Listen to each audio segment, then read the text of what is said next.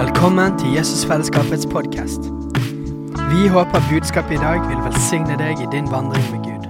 Og om du vil ha mer informasjon om menigheten, kan du gå inn på jesusfellesskapet.no.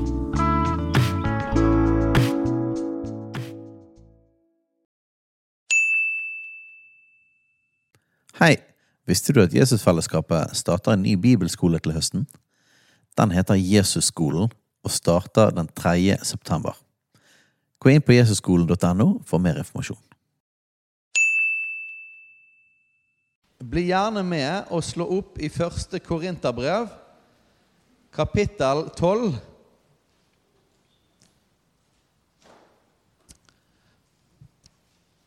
Og eh, hele denne våren så er det litt sånn her eh, overordnet tema som handler om kjennetegn på en apostolisk menighet. Og Grunnen til at vi forkynner om det, er at uh, opplever at Den hellige ånd har sagt vi skal gjøre det. Og det handler om å forkynne fram det Gud har kalt oss til. Og så handler det om at, uh, at uh, det er bra å vite om hva man er en del av. Um, og å se, få være med og se litt av byggetegningene, sånn at man kan få lov til å være med og, være med å bygge på de områdene Gud har kalt det. Så kjennetegn på en apostolisk menighet. Og dette er tett, tett koblet til forståelsen av hva menighet er for noen ting. Um, så det skal vi se litt på her i, i, i begynnelsen, i 1. Korinterne 12. Vi kan begynne i vers 14. Nei, vers 12. Et godt eh, En del vers her nedover. For like som legemet er ett og har mange lemmer, men alle legemets lemmer er ett legeme, enda de har mange, slik er det også med Kristus. For med én ånd ble vi alle døpt til å være ett legeme. Er det noen som er døpt her? Ja, da er vi en kropp.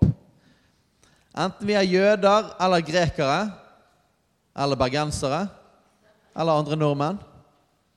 Treller eller frie. Og vi har alle fått én ånd å drikke. Drikker Den hellige ånd. At vi gjør det? Én ånd å drikke.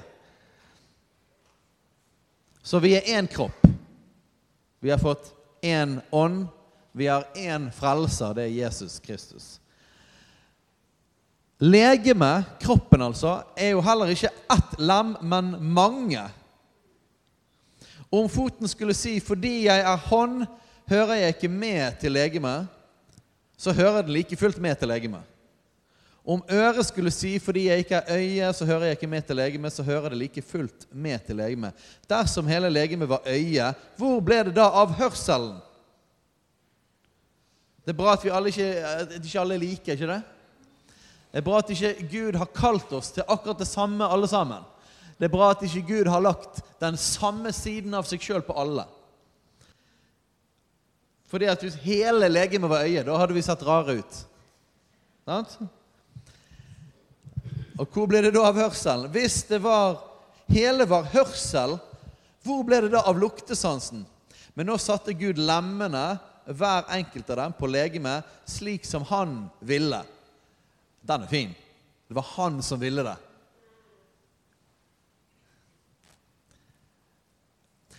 Det er ingen av oss som velger hvilken kroppsdel vi skal være. Og det er heller ingen av oss som velger om vi skal være en del av en kropp eller ikke. Og Dette gjelder jo hele Kristi kropp og hele jorden, dvs. Si alle som har Jesus som frelser. Men så ser vi òg at eh, Guds universelle menighet har òg et lokalt uttrykk. Og de samme begrepene blir brukt om det lokale uttrykket. Og nå snakker Paulus her til menigheten i Korint. Så han snakker til én spesifikk lokal menighet. Så dette er sant det, på det makronivået, og så er det sant på mikronivået.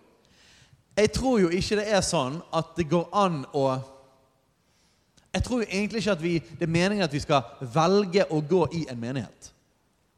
Jeg tror det er sånn at Gud kaller oss til å være en del av en menighet. Det er forskjell på det, ikke det? Gå i en menighet. Det går ikke, det går ikke, går ikke an å gå i en menighet engang. Det går ikke an. For en menighet er jo folk. Så med mindre du har en haug med folk som er menigheten, og så går du og vasser inn i de folkene, så går ikke det an å gå i menighet.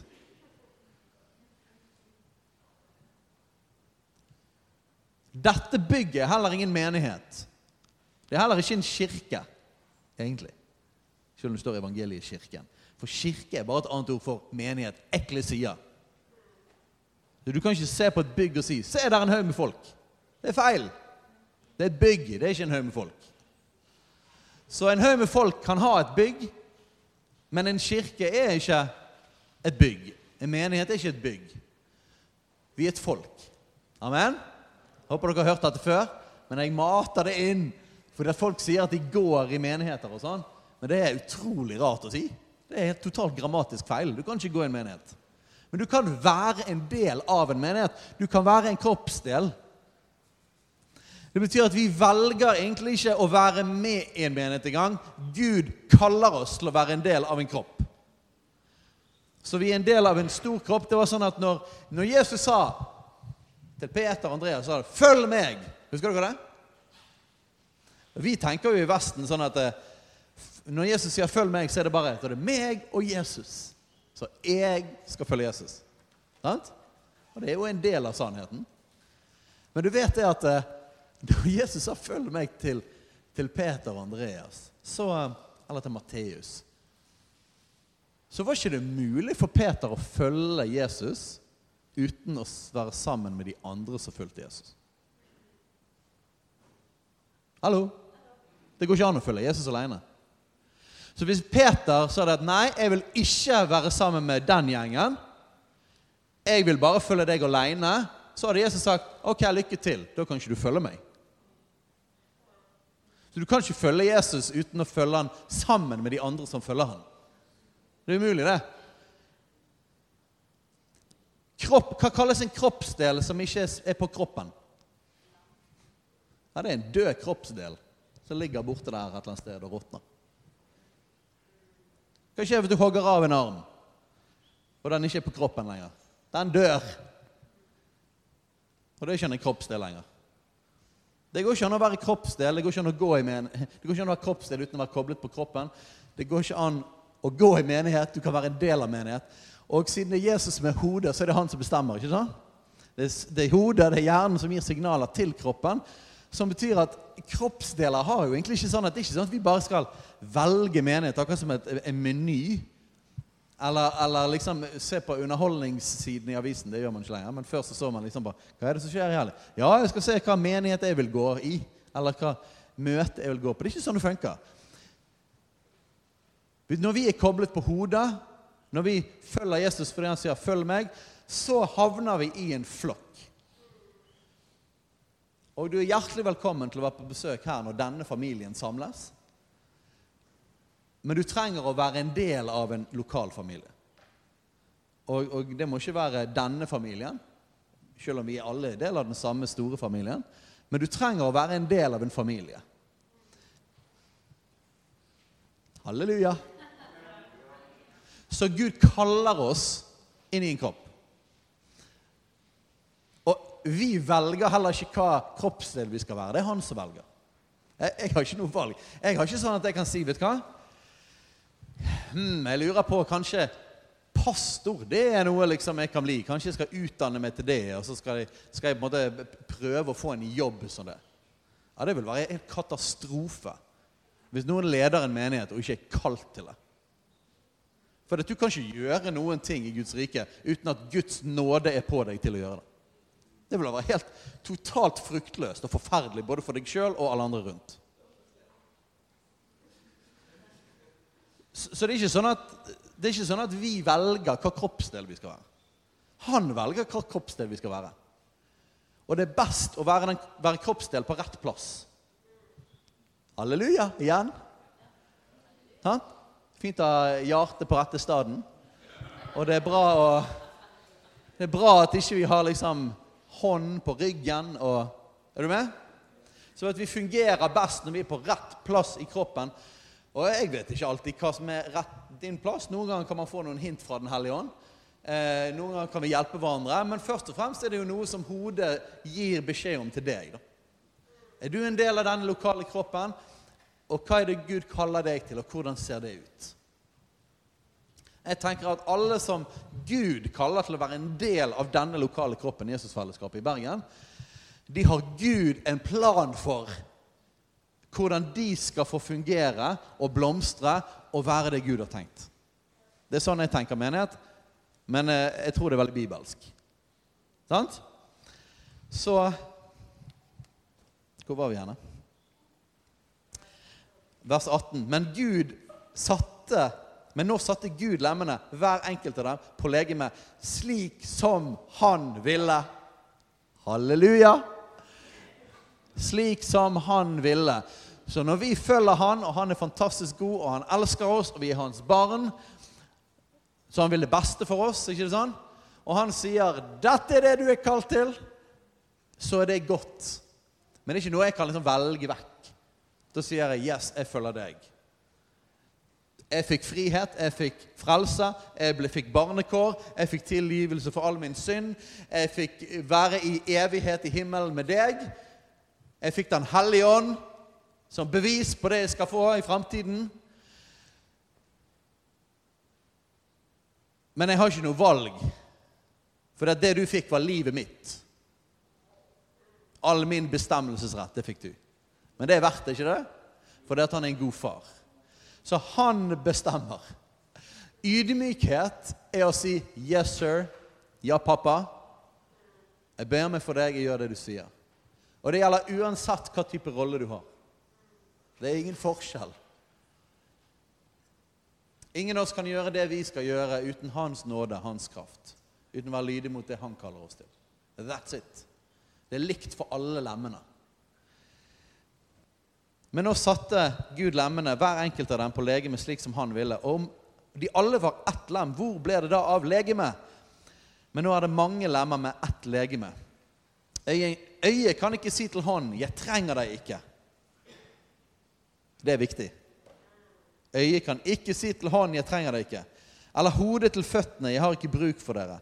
Men tvert imot, de lemmer på legemet som synes å være de svakeste, de er nødvendige. De lemmer som vi synes er mindre æreverdt, med dem kler vi desto større ære. Dem som vi blyges med, kler vi med desto større bluferdighet. Våre edlere lemmer trenger ikke til dette, men Gud satte legemet slik sammen at han gav det ringeste størst ære. For at det ikke skal være splittelse i legemet, men at lemmene skal ha samme omsorg for hverandre. Å, la oss anerkjenne de forskjellige kroppsdelene.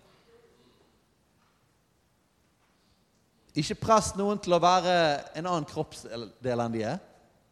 Det finnes visse ting som er for alle kristne, men vi er forskjellige kroppsdeler. Vi skal representere Guds herlighet og hans natur på forskjellige måter. Om ett lem lider, da lider alle lemmene med.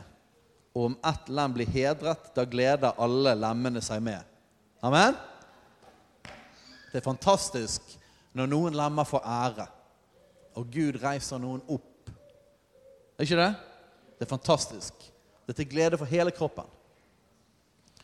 Og Gud satte i menigheten først noen til apostler, for det andre profeter, for det tredje lærere, dernest kraftige gjerninger, så nådegaver til å helbrede, til å hjelpe, til å styre, ulike slags tunger. Er vel alle apostler, er vel alle profeter, er vel alle lærere, gjør vel alle kraftige gjerninger. Har vel alle nådegaver til å helbrede, taler vel alle med tunger, kan vel alle tyde, men streb etter de beste nådegaver. Så Gud satte i menigheten forskjellige gaver, forskjellige kroppsdeler. Ok? La oss hoppe over til Efeserbrevet, kapittel 2.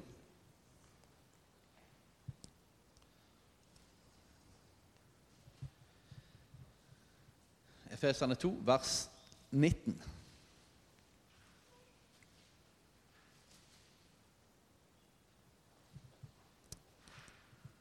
Så er dere ikke lenger fremmede og utlendinger. Men dere er de helliges medborgere, Guds husfolk, eller Guds familie. Vi er Guds familie. Vi er ikke utlendinger fra, utlendinger fra hva da? Fra Norge? Jo, vi er egentlig litt utlendinger fra Norge. Men vi er innbyggere i himmelen. Himmelen vårt hjemland. Så vi er ikke utlendinger i himmelen. Der er vi hjemme. Vi er ikke lenger fremmede utlendinger, men vi er de helliges medborgere, Guds husfolk, Guds familie. Bygd opp på apostelens og profetenes grunnvoll, og hjørnesteinen er Kristus Jesus selv. I ham blir hele bygningen føyd sammen og vokser til et hellig tempel i Herren. I ham blir også dere sammen med de andre bygd opp til en Guds bolig i ånden. Hva er hensikten med dette her, denne kroppen? Eller her er et annet bilde. da. Dette tempelet, denne bygningen Bygningen er altså ikke denne bygningen. Bygningen er oss. Hva er hensikten med den? Til å være en bolig for Gud i ånden. Så Gud putter oss sammen. Han bygger oss sammen sånn at vi skal være en bolig for Gud. Et folk der Guds herlighet hviler. Det er målet. Så hvis, hvis tempelet blir bygd ordentlig sammen, så vil vi være en bolig for Gud. Gud vil bo midt iblant oss. Det er hans lengsel. En bolig for Gud i ånden et hellig tempel i Herren. Så i Han så blir vi dratt sammen, bygd sammen, sånn at Han kan bo midt iblant oss. Det er målet. Hva, hvorfor er det et mål at Gud skal bo midt iblant oss? Nummer én fordi at vi er skapt til relasjon med Han. Og det er riktig individuelt, men det er òg riktig kollektivt. Vi er skapt sammen til å ha en relasjon med Han. Vi er et folk som kjenner Han. Vi er et folk som Gud bor midt iblant. Gjennom hele Bibelen så går det igjen et rop, og du ser det til slutt blir oppfylt i Johannes' åpenbaring 21. Og det er det at Gud sier det at 'Jeg vil være deres Gud, og dere skal være mitt folk'. Jeg vil bo midt iblant dere. Det er Guds lengsel. Jeg vil være deres Gud, og dere skal være mitt folk. Jeg vil bo midt iblant dere. Så målet er Guds herlighet fordi at relasjonen med Han Dette er det i evig liv, å kjenne Han. For det, det, er målet for oss, ikke det? Vi kjenner Han. Vi er i kontakt med Han. Der er hele universets, eller hele eksistensens mening. Men så er det ett steg til. Hvorfor skal vi være tempel for Gud? Det er fordi vi skal være en møteplass mellom himmel og jord. Sånn at vi som er tempelet, vi som er bærere av Hans ånd, Hans herlighet, Hans nærvær Når vi er spredt rundt omkring Nå er vi samlet sammen. sant? Og så gjennom uken så er vi spredt rundt omkring, men vi er fortsatt en kropp. Når vi er spredt rundt omkring, så er vi en, vi er en del av boligen. Vi er et bærer av Guds nærvær. Og der vi er, så er vi et møtepunkt mellom himmel og jord. Så vi, han bygger oss sammen for å være et tempel, så han kan bo midt iblant oss. Sånn at overalt når vi er rundt omkring, så kan andre få en berøring av han. Så det er for vår skyld, for at vi er skapt til det, og så er det òg for å være et berøringspunkt. Det er Guds menighet. Bygd på apostlenes og profetenes grunnvoll. Og vi, Når jeg snakker om apostolisk menighet så er det fordi at jeg har lyst til at dere skal forstå hvordan Gud bygger sin menighet. For at om vi får mer åpenbaring ut fra Guds ord, og vi, om vi handler på det Han taler om, så vil vi bygges sammen til en kropp som fungerer. Da kommer kroppsdelen i funksjon. Da kan han bruke den kroppen ut i verden. ok? Eller om vi i det andre bildet, om vi blir bygd sammen til et hellig tempel på en sånn måte at han faktisk bor midt iblant oss. Hans herlighet hviler på oss, både når vi samles, men også når vi er spredt.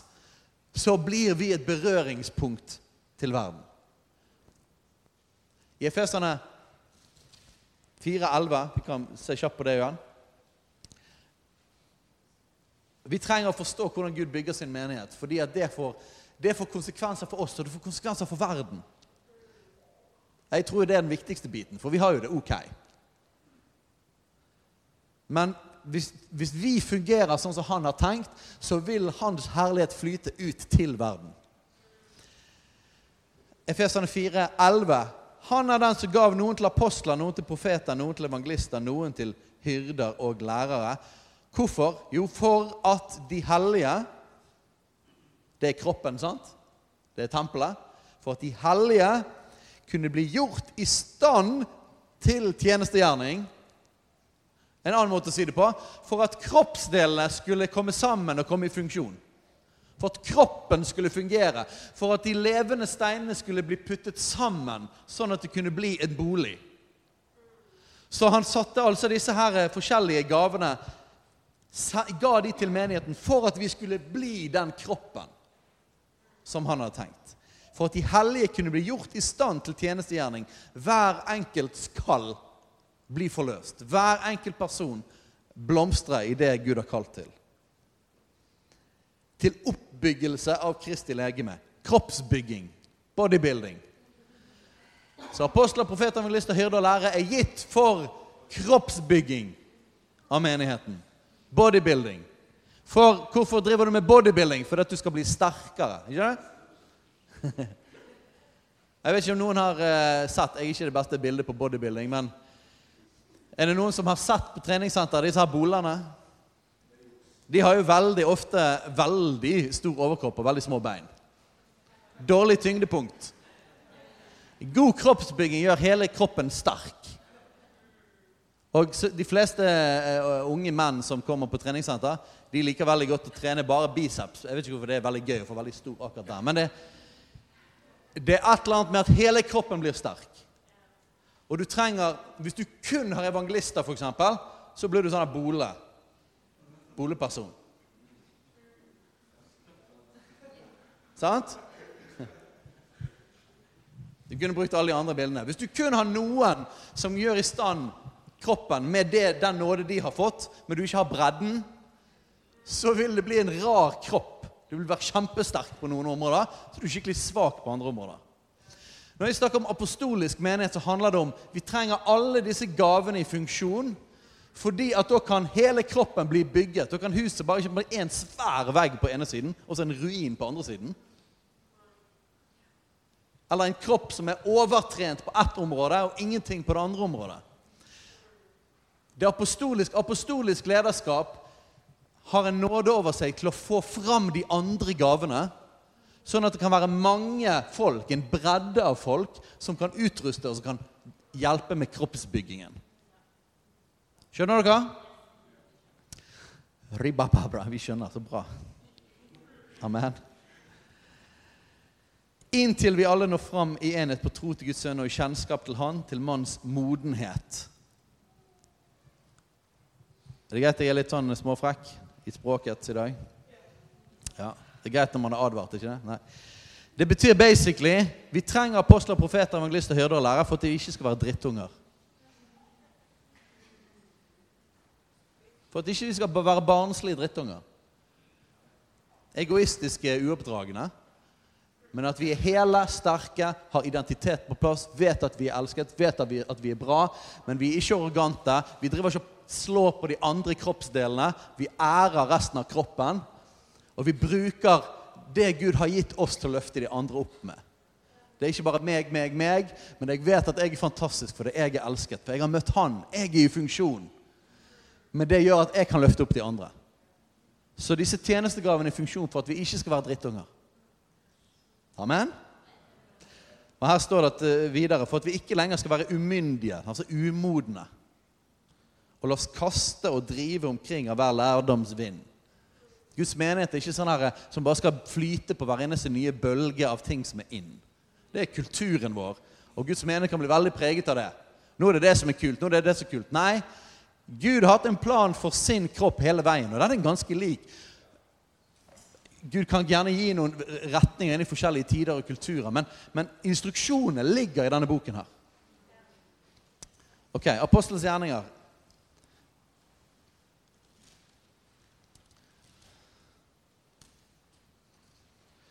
så kjennetegn på en apostolisk menighet er at kroppen er i funksjon. Og vi, vi ser noen tegn på disse tingene, men jeg forkynner det fordi vi vil ha mer av det. Jeg forkynner det ut fordi at vi har masse igjen. Har ikke vi det? Vi har masse potensial. Vi er ikke helt liksom, utslått. Vi er ikke en lam kropp. Men eh, Jeg tror det vil være bra for oss med mer kroppsbygging. Det bor så mye inn i hver eneste en av dere som er her, og alle de som er en del av den kroppen som ikke er akkurat nå. Gud har lagt noe unikt i hver eneste person. Tenk hvis alle sammen kunne få blomstre og være den, akkurat den kroppsdelen som Gud har kalt det til å være. Tenk det, da. Tenk konsekvensene både for når vi er sammen, men òg når vi er spredt. Da blir vi et bilde av hvem han er. Vi er ingen av oss er like, men vi, vi bærer noe av hans herlighet, hver enkelt av oss. Og, og, når det kommer sammen, så ser vi mer av hvem han er. Og når folk kommer, så ser de Gud er sannelig midt iblant dere. For jeg kan se Jesus når jeg er her. Men hver enkelt av oss Vi har Den hellige ånd, men vi, vi, vi, vi reflekterer ikke hele Guds natur på samme måte. Men vi reflekterer noen områder sterkere enn andre. Tenk når du får de sammen, så kan Gud, folk si Gud er sannelig midt iblant dere. Jeg merker Jesus er her. For at hver enkelt lem Å, Gud, gi oss nåde. Gi oss hjelp, Gud. Og det er min bønn. Gi meg nåde, gi oss nåde til å faktisk hjelpe med kroppsbyggingen. Så hver eneste en. Vi gjør ikke det perfekt. Jeg gjør ikke det perfekt. Men jeg vet i alle fall at det er min lengsel. At hver eneste jeg ser, hver eneste, hver eneste dere blomstrer i, i sitt fulle potensial. I alt det Gud har skapt deg til og kalt deg til. Det er verdens håp. Guds menighet i all sin kraft. En bærer av Guds herlighet overalt. Menigheten er en kropp. Vi er ikke bare stolsittere. Akkurat nå sitter vi på en stol. For det er en bitte liten del av hver uke når kroppen kommer sammen. Og akkurat vi gjør noen ting sammen. Vi tilber sammen, vi ber sammen, vi deler forskjellige ting. Vi hører om Peter som er i Ukraina, og hans hjerte. Og vi er en del av det Peter gjør, fordi vi er en kropp. Så vi er sammen, og så får vi høre biter av det, og så kjenner jeg wow, vi får være med på det. Vi, vi er en kropp sammen. Og så forkynner jeg eller noen andre Guds ord fordi at det handler om å være med og oppbygge. Fordi at når Gud gir meg åpenbaring på noe, så er det ikke bare for meg, men den åpenbaringen er til for at dere skal få mer åpenbaring på det. Og når vi får åpenbaring på noe, vi, når vi kan se det, så kan vi ta det. Vi kan ta det i tro, så, begynner, så blir det skapt i oss, så begynner det å skje. Det er poenget. Men Guds menighet det er ikke poenget at du bare skal sitte på en stol og høre en preken. Det, dette er for å kaste ut frø av Guds ord. Og de frøene ved Den hellige ånd, og det lander i god jord, så vokser det opp og bærer frukt. Det er det vi holder på med nå. Men du kalte mer enn å sitte på en stol. Dette er bare lading en gang i uken. Og jeg likte veldig godt, Rebekka, når du snakket om eh, våpenlevering til Ukraina. Da kjente jeg halleluja. Gud, send oss våpen. Send oss eh, antitanksvåpen. Nå jeg åndelig våpen. ok? Vi har ikke en kamp mot kjøtt og blod. Vi har ikke en kamp mot kjøtt og blod, men mot makter og myndigheter. Og det er Guds fulle rustning og alt mulig. Men rustning det er jo litt gammeldags. Det var fordi de hadde rustning da. Sverd det er jo kult og profetisk, men det er ingen som bruker sverd lenger i krig. Så vi trenger bombekastere. Vi trenger ting som kan sprenge tankser og skyte ned fly. Halleluja! Dette er Festene 6. Trenger ikke bli støtt. Det er krigsspråk i Bibelen. Har dere noen gang tenkt hva eh, herskarenes Gud betyr, eller allherrs Gud? Det betyr Gud som leder soldatene, hæren sin. Det er en av tingene han er. Han er òg en pappa, men han er òg en hærfører. Så Gud gir oss våpen. Gi oss mer våpen, Gud.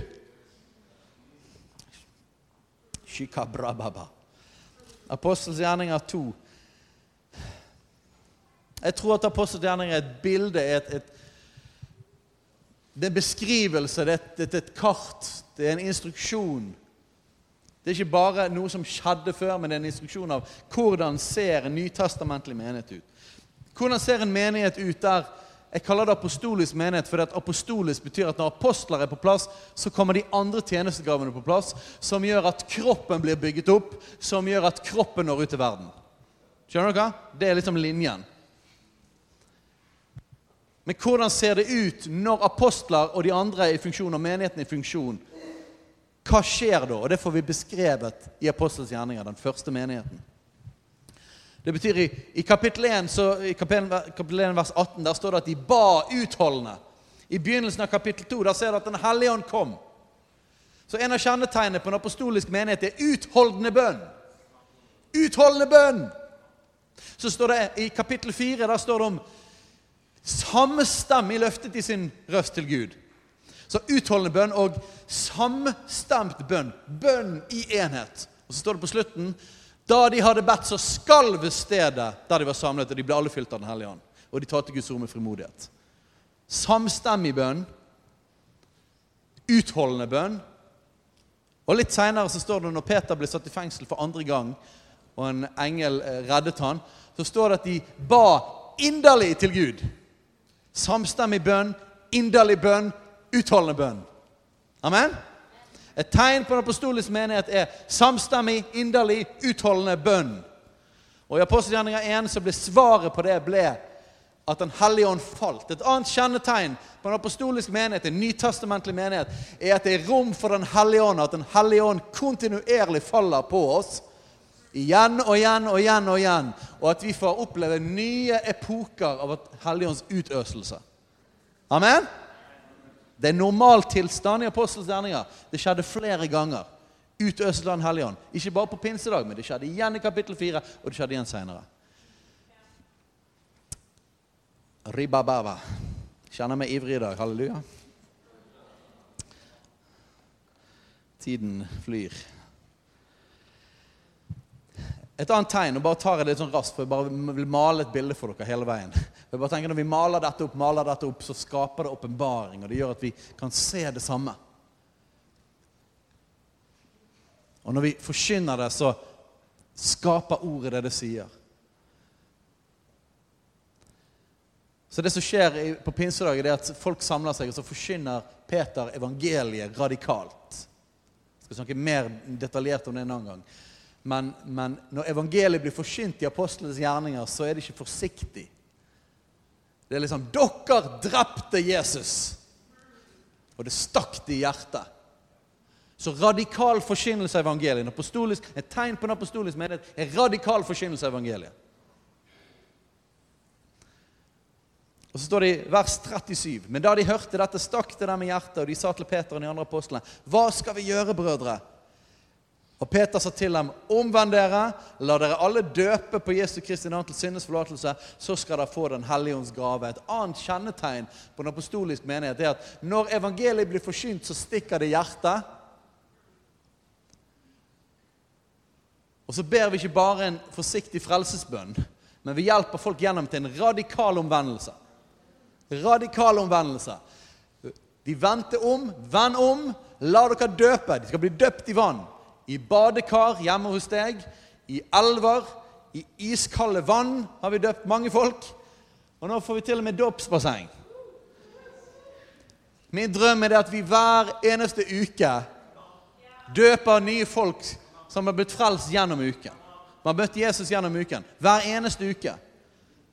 Har dere lyst til å se det? Feiring, en Jesusfest, feiring av de som ble lagt til denne uken fordi de møtte Jesus. Radikal forkynnelse av evangeliet. Radikal omvendelse. Et nytt liv. Folk blir døpt i vann, fylt av Den hellige ånd. står det for vers 40.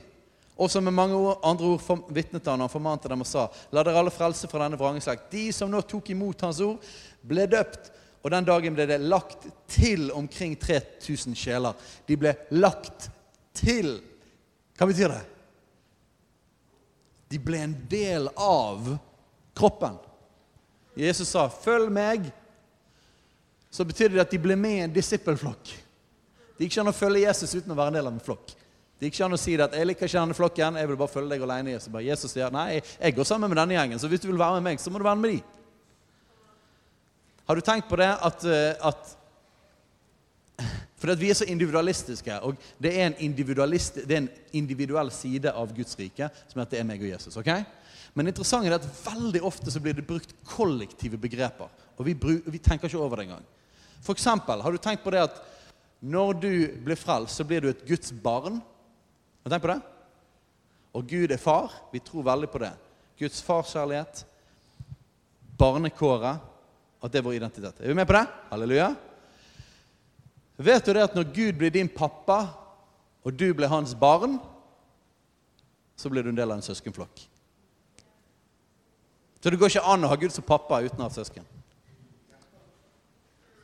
For Gud har ingen enebarn.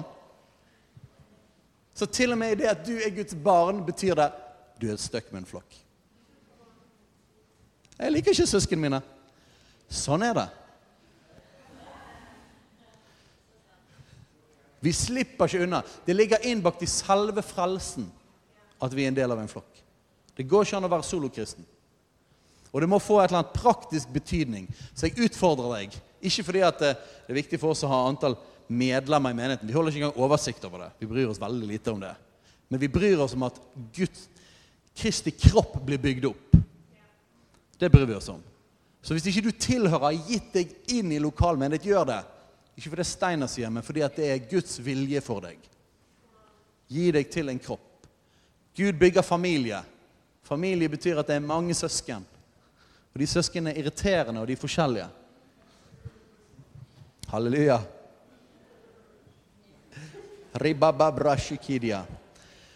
De ble lagt til, vers 42, de holdt urokkelig fast ved apostlenes lære. De tviholdt på ved samfunnet. Hva er det for noe? Fellesskapet! De tviholdt på fellesskapet. Dette er kjennetegn på en nytestamentlig menighet, en apostolisk menighet. At de klamret seg fast til fellesskapet. Halleluja! Være sammen. Hold dere ikke borte fra deres egen forsamling slik noen har for vane, står det i brevbrevet. Hold dere ikke borte slik fra deres egen forsamling. Vi er menighet hele tiden. Så det første er å gi seg inn og være del av en kropp. Men så er det sånn at når vi er familie, så er det bra å komme når vi skal ha middag. Vi sitter ikke med bordet hele tiden. Sant? Vi gjør masse andre ting i løpet av uken. Men kom når vi spiser middag. Jeg er litt streng på dette hjemme. Vi har en fantastisk eldste datter som er litt seig. Ja, sies at det er etter meg. Men eh, Så når vi sitter rundt bordet og vi sier 'Håp, kom! Kom!' Så tar det veldig lang tid. Så blir vi litt utålmodige. Og hun bare 'Dere kan bare begynne uten meg.' Nei, vi kan ikke det. Vi kan ikke det. Fordi at vi trenger å være samlet som familie. Det har noe å si at ikke du er der. Det har noe å si. Det merkes. Det kjennes. Når vi ikke er der hele familien. Selvfølgelig, Det kan være det at sånn som i helgen så var håp på en ungdomsfestival. Og Joshua er på en speiderleir. Ok, da kan ikke alle være der sammen. Så det fins anledninger. Men det er livsstilen vår at når vi er familie, så kommer vi sammen. Når vi spiser middag. Amen? Mamma og pappa lager middag, koker sammen et eller annet fra Guds ord for å dele ut. Det er familie. Kom når vi spiser. Det er viktig at du er med. De holdt urokkelig fast ved samfunnet. De holdt urokkelig fast ved brødsbrytelsen, nattverden. Vi hadde fantastisk nattverd forrige søndag. Bryt brødet når vi kommer sammen, men òg i hjemmene. Det kommer etterpå. Og de holdt urokkelig fast ved bønnene. Da har du bønn, bønn igjen. Utholdende bønn. Samstemmig bønn. Inderlig bønn. Du kommer ikke utenom det. Vi er snart ferdige, folkens. Og det kom frykt over hver en sjel, og mange under og tegn ble gjort ved apostlene. Tegn og under er et kjennetegn på den apostoliske menighet, en nytestamentlig menighet. Tegn og under. Mer tegn og under, Gud. Mer tegn og under. Han bruker hele kroppen. Her står det om apostlene. Absolutt, de skal gå foran. Men så ser du etter hvert at hele kroppen kommer i funksjon. Disse tegn skal følge de som tror. Tegn og under i Jesu Kristi navn. Bare, bare legg hånden på et eller annet på deg sjøl hjerte eller et eller annet. Jeg har bare lyst til å forløse det. Kjent på det. I Jesu Kristi navn så erklærer vi en ny epoke av mer tegn og under. Jeg takker deg, Gud, for årene før når vi så noen enorme gjennombrudd på dette. Men Gud, vi vil se det ikke bare gjenopprettet, men i mye større grad enn før, Herre. Tegn og under, mirakler, helbredelser. La syke bli helbredet. La oss høre vitnesbyrdene om det, Herre, hver eneste uke om miraklene som har skjedd. I Jesu Kristi navn. Tegn og under. Folkens, når dere møter noen som trenger et mirakel, gå inn, ta et steg i tro. Alle troende holdt sammen og hadde alt felles. Mye fellesskap i dag, ikke det? De holdt sammen. De hadde alt felles. De begynte å selge eiendeler og gods og delte ut til alle etter som hver trengte det. For hvis ett lem lider, så lider hele kroppen. Så jeg er ikke meg sjøl nok, men jeg er del av en kropp. Og her til og med så heftig at man til og med solgte det man hadde. Et kjennetegn på en nytestamentlig menighet, kjennetegn på en apostolisk menighet, er raushet, og det er giverglede.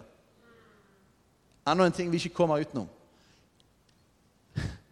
Gi penger inn til de som trenger det.